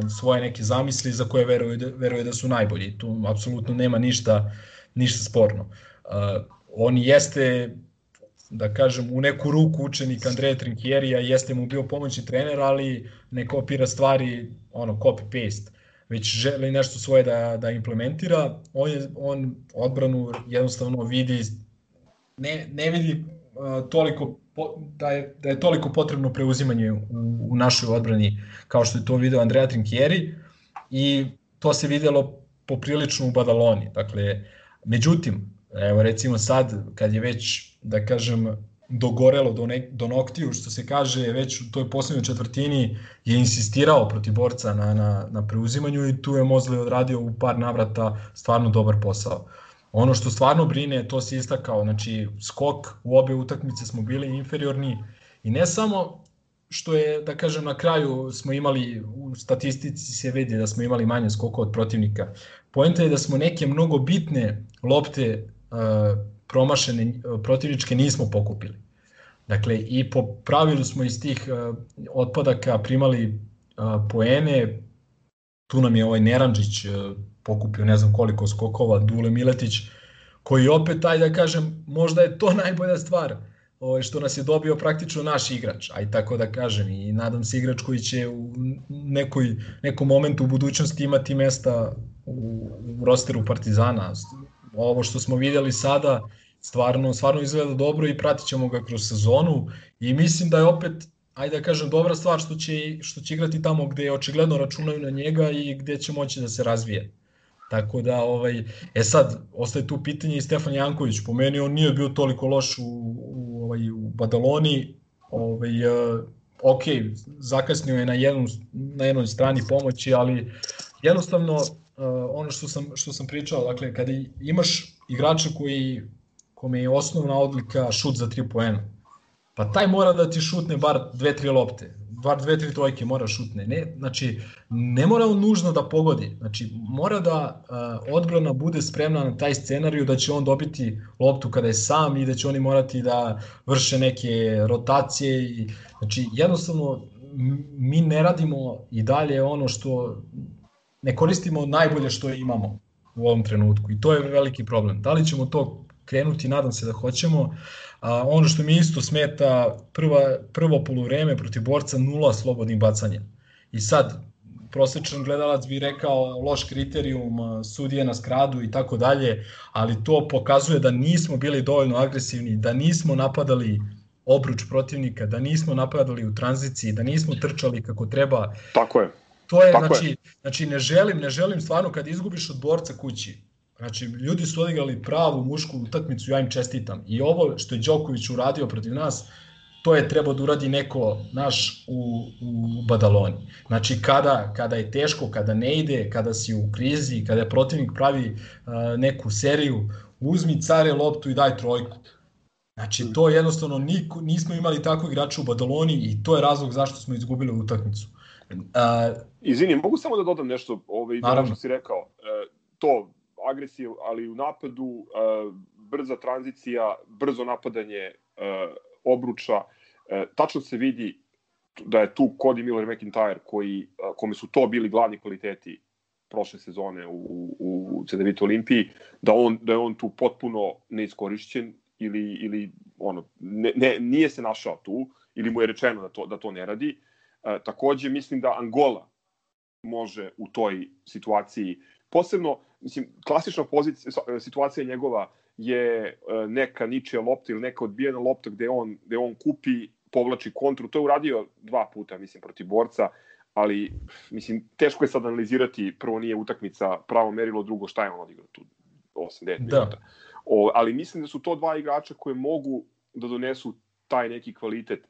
E, takođe, mislim, Mika ako ne može da brani dobro reket i, i, i jači igrača, može da istrčava kontre i da, i da kuca, to je to. Je to. Um, ne znam, kažem, meni, meni ne deluje da postoji jasna raspodela uloga u timu, niti da je da postoji hijerarhija u ekipi, da se zna ono što, što kažu ko kosija, ko vodu nosi, previše igrača pokušava da uradi previše različitih stvari, ne koriste se najbolji atributi ovih nekih najbitnijih igrača koji su prošle sezone don, pravili razliku.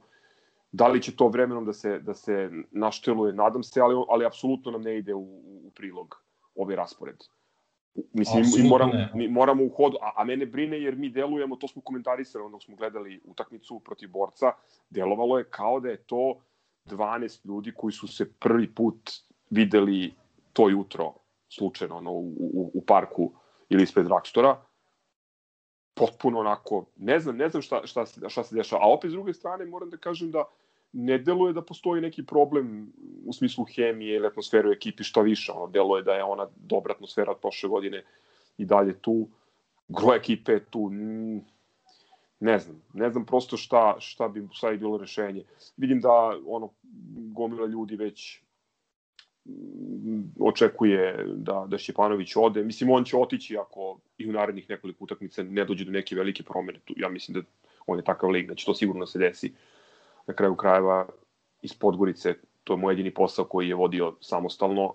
Tamo je otišao nakon, čini mi se, 100%, učinka u ABA, imao je neke probleme u slučajonici i u Eurokupu i mislim da je, da je zbog toga otišao. Ne, ne, bila, bila je neka priča koju bi Jaca Petrović ispričao pod navodno Pod navodno, dobro. Da, da, da, jedna zanimljiva utakmica u Makedoniji. Ovaj, u tom trenutku su oni imali da li 6-0, 7-0, a Karpoš Sokoli 0-6 ili 0-7. I jedan zanimljiv rezultat, pa je Šćepa navodno zbog toga otišao, zbog nekih stvari, ali da ne ulazimo u to. A nije lako biti trener Partizana, u futbolu i u košarci. Znači, to ljudi stvarno, mislim, moraju da shvate. Uh, ja mislim da je Šćepanović krivac za, za poraz u Juventudu, u Bože, u Badaloni protiv Juventuda, ali jednostavno klub se letos odlučio na njega. I ako postoji možda neki krivac, to možda nije, nije Šćepanović, nego ko se odlučio za njega, prosto jednostavno. Ovaj, jednostavno, koliko god Partizan bio veliki klub i u tom nekom smislu ultimativni izazov za trenera, da, da preuzme taj klub i da ga vrati ono na staze stare slave i, i slične fraze koje se koriste, prosto dolaziš u klub uh, koji ima manji budžet od najveće konkurencije i da kažem neposredne konkurencije bilo u ABA ligi, bilo u Evrokupu, dakle imamo manji budžet i od Čovićevog kluba, imamo manji budžet i od Bokanovog kluba, imamo manji budžet od Virtusa, Unikahije, Unixa i šta ti ja znam. A očekivanja navijača su veća nego očekivanja navijača klubova koji imaju veće pare od tebe ovaj, i konkurenti su ti. Imaš, to... imaš i još dva dodatna faktora koje ti ne idu u prilog. Jedan je to e, da nema publike, a publika ti je svake sezone pet poena dodatnih na svakoj utakmici koja je važna sigurno. i imaš u, u smislu tih nerealnih očekivanja o kojima ti pričaš, imaš prošlu sezonu u kojoj nam je Wuhan oteo priliku da, da se borimo za sve trofeje, tako da su i inače nerealna i visoka očekivanja naših navijača dodatno ono pod, podignuta ne znam, ja Šćepi zaista ono, ne samo zato što mi je gotivan lik i ono, jako sam ga volao kad je bio košarka, želim zaista sve najbolje, ali jako, jako teška situacija, nezavidna. Mene je ono protiv borca jako zabrinulo. Mislim, manje više poraz koliko ta neka anarhija na parketu. Ne, ne znam da li je to nešto što može brzo da se, da se sanira i na, da. koji, na koji način. Ovaj, pazi, mislim, Šćepa sigurno, sigurno, sigurno ono, mnogo dobro poznaje košarku a, i jednostavno nije to, mislim, u smislu nekih, ono što, što se kaže u košarci X-eva i Okseva, znači na terenu, znači u, u smislu te neki napada, akcija, crtanja, pozivanja i tako toga, to se manje više sve zna. I mnogi, mnogi klubovi prepisuju, to jest treneri prepisuju jedni od drugih i jednostavno nema tu ništa pick and roll, skok, zna se koji su osnovni postulati igre i to je to. Znači, ti sve što treba da uradiš je da dovedeš uh, svoje igrače da rade ono uh, što najbolje znaju da rade. A, to naravno i kroz akcije na terenu, ali isto i psihologijom. Znači, mi moramo da nekako da ostvarimo tu prvu pobedu koja bi nam mnogo značila ako bi došla već sutradan protiv Venecije. A, setimo se onih duletovih a, e, sezona koje su počinjale, da kažem, jako problematično, mada on je imao tu nesreću da menja pola tima ovaj preko leta pa dok se uigra, ali ova ekipa u tom nekom smislu ne bi trebala da ima da ima problem, ali jednostavno ekipi treba ta neka potvrda svog kvaliteta kroz neku veliku pobedu. Mi sad imamo tri maltene ceo oktobar nam je katastrofa raspored i jednostavno ovaj svaka pobeda koju ostvarimo biće biće dragocena. Pa misliš da je realno da napravimo tu prvu veliku pobedu protiv Venecije koja nas je kao što sam rekao prošle sezone jedina pobedila u Eurokupu u Beogradu i ako ćemo da posmatramo i po sastavu i po stručnom štabu u potpuno kontrasituaciji, možda najbolji trener u takmičenju vodi, vodi, vodi tu ekipu. Da, ovaj, pazi, uh, pominjao si i tu utakmicu u Kopru i Ljubljanu.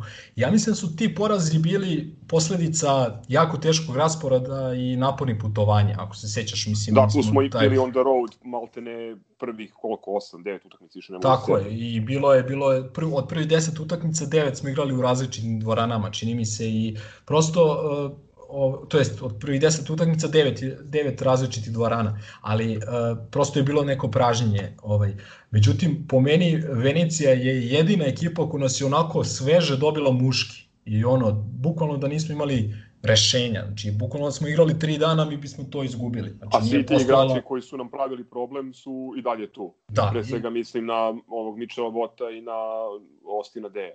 Austin Day, Mitchell Watt, Jeremy Chappell, i tako dalje. Po meni oni su najbolja ekipa u našoj grupi. Uh, oni imaju najboljeg trenera u takmičenju, koliko god ja voleo Sahete Đorđevića, ja mislim da je Valter slažem Grafoele... Slažem se, slažem se. Ovaj, I malo sam i danas pričao ovaj, o tome, tako da jedna ekipa koja fantastična odbrambena ekipa, ekipa koju svi nosioci igre imaju preko 30 godina i to je ono što pričamo. Znači, prosto su ljudi zadovoljni tim nekim svojim životom i, ulogom i ugovorom koji imaju i prosto ih nije, nije, nije ih briga da li igraju 12 minuta ili 22, da li su šutnuli 4 puta ili 8 puta, prosto, znači svaku utakmicu neko drugi iskoči, noćna mora su za scouting nešto slično što bi mi trebali da budemo, ovaj, ne znaš prosto od koga ti preti veća opasnost, ali da, Austin Day je najbolji, bez dileme naj, najkvalitetniji igrač i jako teško ćemo dobiti. Bez navijača, u, da kažemo, ovako lošem raspoloženju, čini mi se da će, koliko čujem, Zagorac će igrati sutra, to bi trebalo da bude dobra stvar.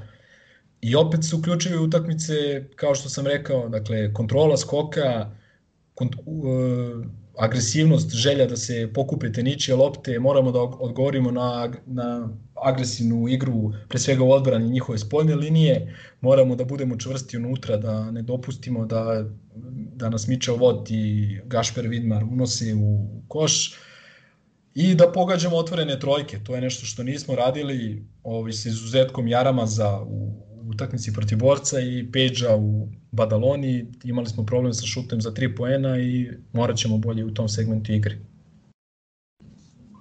Evo ljudi, da ne mislite da sam zaspao, ovaj, ja sam Ubili najavio smo. da ću, da, najavio sam da ću da ovaj, vrlo malo pričam o košarci, sticam okolnosti zbog obaveza, nisam odgledao nijednu od te dve utakmice ali sam onda retroaktivno uh, proživljavao tekstualni prenos ovaj, tamo na, na Viberu i raspoloženje drugara koji su bili negde pred samospaljivanjem, kao Jan Palah, naravno Milenko je prednjačio u tome. O, tako da iz toga sam stekao utisak o, o tim utakmicama, ja mislim bolje nego da sam ih gledao a ne znam šta će biti. Znaš, s jedne strane, aj sad, mi stvarno pravimo strašno. Mi smo postali mnogo instant ljudi. Mislim, opet kažem, slušajte histerikale, sluš, ove historikale, slušajte ih u krug, jer je vredno toga, ono, na autor je pit, mi smo imali one sezone i sezone gde imamo jako dobar tim koji odvali neku ozbiljnu evropsku ekipu i onda onda izgubi ovaj, pet za redom u domaćem prvenstvu od potpunih outsidera. To je sport, to se dešava jednostavno. Sad, uh, jeste specifična situacija u smislu, a, mi smo zadržali zadržali smo većinu tima, što znači zadržali smo taj prilično visok budžet, koji će ako se ovako, ako nastave ovako se odvijaju stvari da ode u bunar i ponovo ćemo pričati o onim a, stavkama bez napomene u godišnjem izveštaju i sličnim stvarima i to je ono što me najviše brine. Mislim, a, ova takmičarska sezona, ko zna kako će biti, a, možda, to je, meni delo je vrlo izvesno da će sva takmičenja u nekom momentu biti ovaj, prekinuta zbog nekog drugog, trećeg talasa i petog pika i ne znam čega. A, koliko nas je to bolelo prošli put, ovaj put će nam nekako doći što reče Milenko, jedno smo čekali da počne sad, sad bolje da prekine kako je krenulo. A, ono što je za mene, osim toga, eto sad imamo skup tim koji nam troši pare, a ako ovaj, ako nastave s ovako briljantnim partijama, očigledno je da ćemo se opet svesti na, na neko očekivanje u kupu, ako ga bude. A, ono drugo što mi je nejasno je da li, da li treba istrpeti šćepu i, i zašto na kraju krajeva. Jer da se ne lažem, da se ne lažemo, Vujošovića smo ne istrpeli nego u dva mandata fantastično mnogo istrpeli i na kraju dobili neku nagradu. Sad da li, ajde Milenko ti ipak znaš daleko više od mene, da li vidiš neki potencijal u njemu? Pa kao što sam rekao, meni se čini, meni se čini da Meni se čini da Šćepa ima potencijal i ovaj, kažem, nije, nije se ovaj, latio za te neke alibi iz, izjave, ovaj, već rekao da moramo da podignemo određene stvari u svojoj igri. On je vodio prošle sezone utakmicu u baru protiv Mornara, to je dobio i tako dalje. E sad, da li sam ja najzadovoljniji njim kao izborom za trenera? Ne. Jednostavno, ne zato što je u pitanju Lado Šćepanović, već zato što mislim da je ovu ekipu trebao da preuzme jedan, da kažem, iskusan, ozbiljan stručnjak, ali opet sad kad staneš i razmisliš, pa i nema mnogo takvih. Ovaj, kao što sam rekao, postoje dosta, dosta tih ovaj, trenera koji, koji se plaše te pozicije glavnog trenera Partizana i ovaj, u tom nekom smislu Šćepi treba, treba bar dati priznanje za, to neku, za tu neku hrabrost i volju da, da, da se uhvati sa tim u koštac. Znao je da će biti problema i znao je da će ga svi gledati kroz prizmu Andreja Trinkjerija, kao što su i Trinkjerija gledali kroz prizmu uh, Vujoševića i tako dalje. To je jedan začarani krug. Uh, postoje neki domaći treneri koji su veliki grobari, a nisu smeli toga da se, da se prihvate. Tako da neozbiljno je, da kažem neozbiljno, jako je neozbiljno menjati trenera posle, posle dve utakmice ili četiri, sad šta će, šta će biti ja, ako krenemo sa pet slažem, poraza. Naš... Apsolutno se slažem, ali baš to moje pitanje, šta će biti posle pet poraza koji nisu uopšte toliko neverovatni? Pa šta, kao što je Gaza rekao, mislim da, da će u tom trenutku on preduzeti neke mere, ali kažem, daj Bože, nadam se da, pa, da do da, toga to ne dođe. To, to onda ona mera Savo Milošević, mene sramota što ovako igram, ali to nije rešenje, kao što, eto, vidimo. Da, ovaj. pojavila se interesantna priča, mislim, slučajno sam naletao na nju u španskim medijima, gde praktično uh, oni su pominjali da da smo mi bili leto zainteresovani za ovog trenera San Pablo Burgosa, uh, ovaj, koji je sinoć recimo osvojio Uzeo kup, kup yes. ma, ma šipova, da. Da, Fibinu ligu šampiona i, i koji je pre 2-3 meseca ovaj, stigao do polufinala kao veliko iznadženje ovaj, do polufinala uh, španskog prvenstva.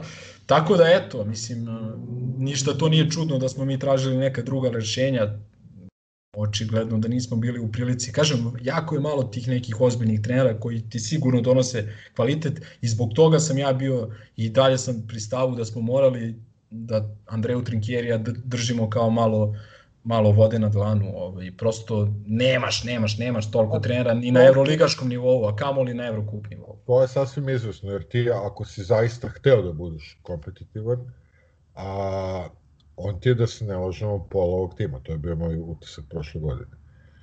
A, po načinu na koji vodi, motiviše te ljude, daje im zadatke, a, i sad ništa nemaš od, to, od tog istog tima kad ga daš na iskusnom treneru. Mislim, to je neko moje mišljenje. I onda si manje više bacio i sezonu i sve te pare bude. Pa onda da. To planski uradio, pa rekao, ok, idemo podmlađivanje tima, krešimo budžet, pogotovo što eto, ko zna šta će biti s ovom sezonom.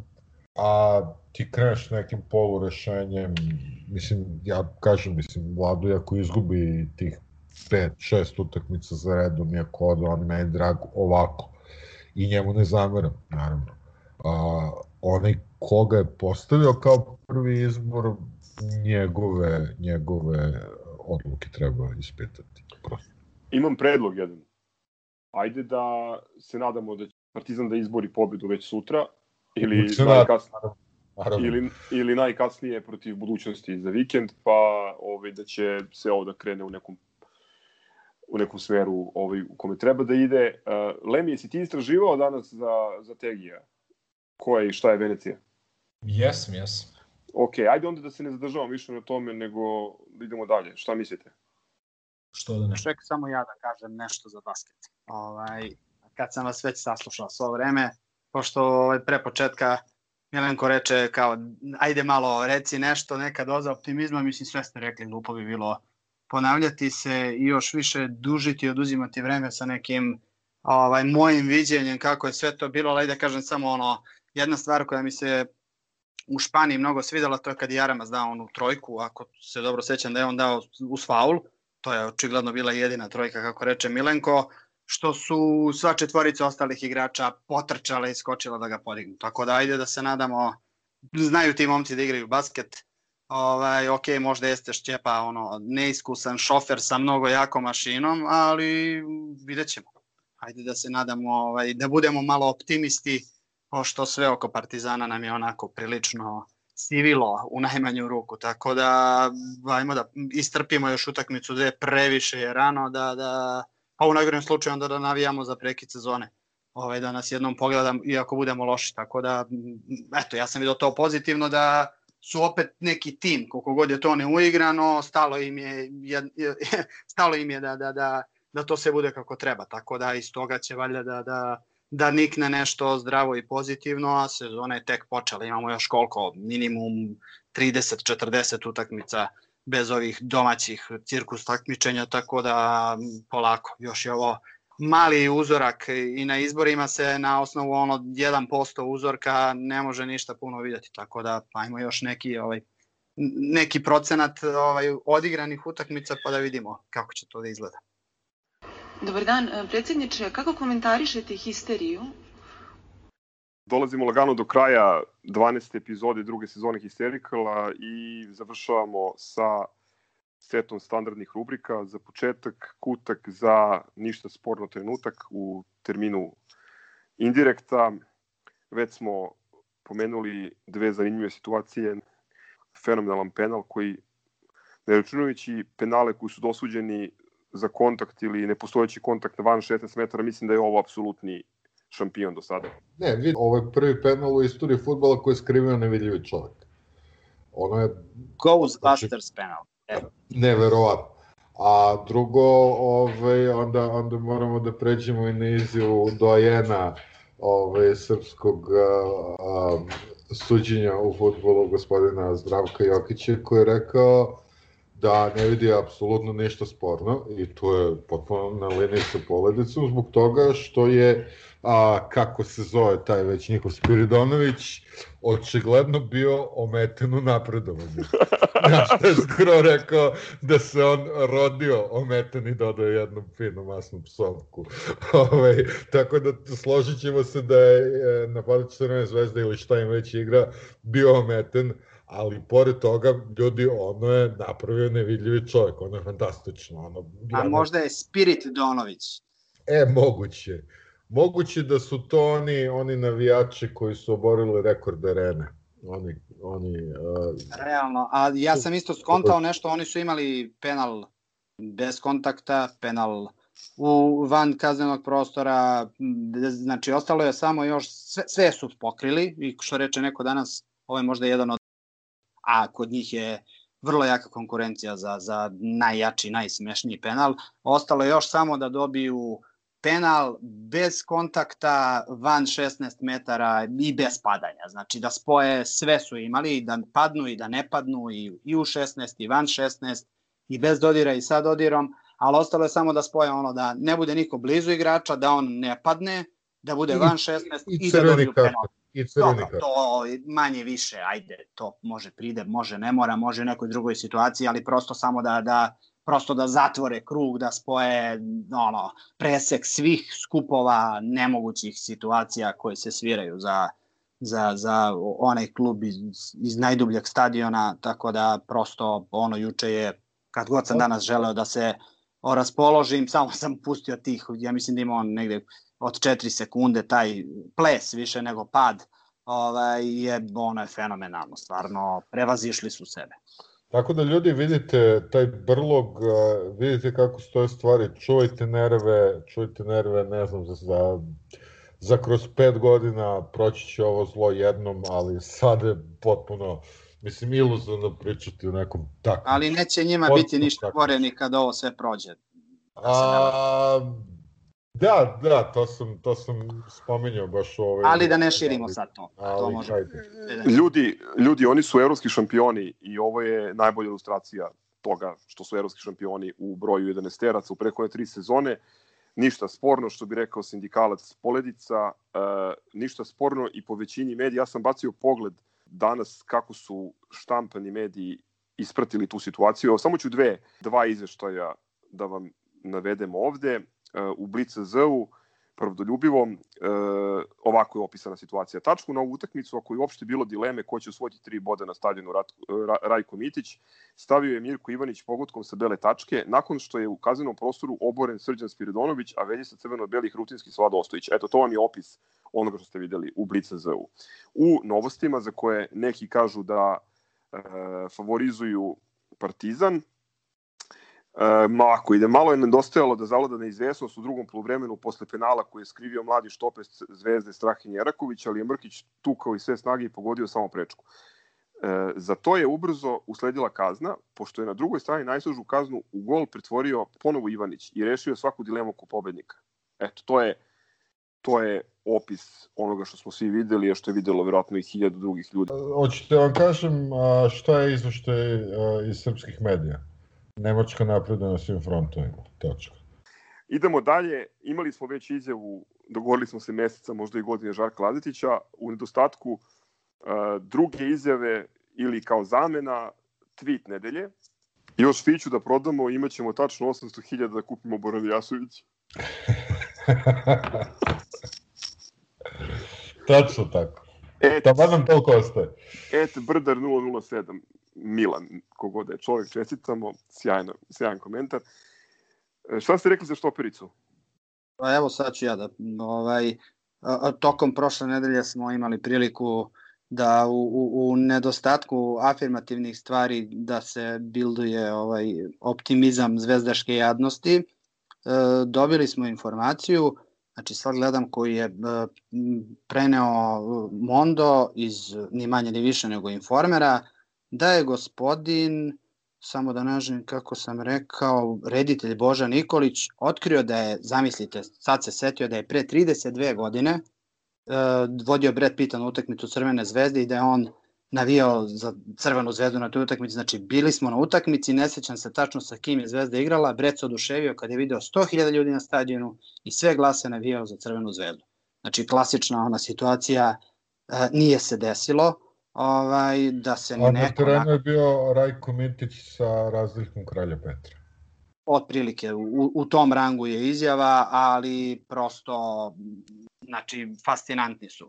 Gospodin Boža verovatno malo ima problema sa godinama i sa pamćenjem, ali dobro, ovaj, kad, prene, kad prenese informer, ovaj, šta ima tu dalje da se priča. O, gospodin A, Bože je dobio prestižno priznanje i jedan vredan poklon u vidu zlatne štope. Tako da, verujem, brojnim glumačkim, ovaj, odnosno rediteljskim nagradama može da pridoda i zlatnu štopericu. Čestitam u tome. Dakle, os, Oskar Zlatni lav i zlatne štoperice. I za sam kraj, čestitke želje i pozdravi, imamo čestitku Novici Veličkoviću, našem kapitenu Kšakaškog kluba, koji je ono oličenje Partizana u, u najpozitivnijem mogućem smislu i pozdravljamo naše drugare Vilija i Bokija, Stevu, Troboka, Iliju, pa iz Groa, Zgroa, Pećinu, Mirka i tako dalje. Milorada, našeg ovaj, savjetnika za, za suđenje. Milorad nam je prekidao, prekidao nam je emisiju svojim neumesnim telefonskim pozivima. Verovatno da traži 1000 dinara. Naravno. za, za čorbu je. to je to, preterali smo, ali bilo je dosta materijala za Ljudi, razgovor. Ja begam, doviđenja i prijatno. Šta reći nego grobar zdravo. Zdravo. Ciao, brate. Salim ti prijetna dan.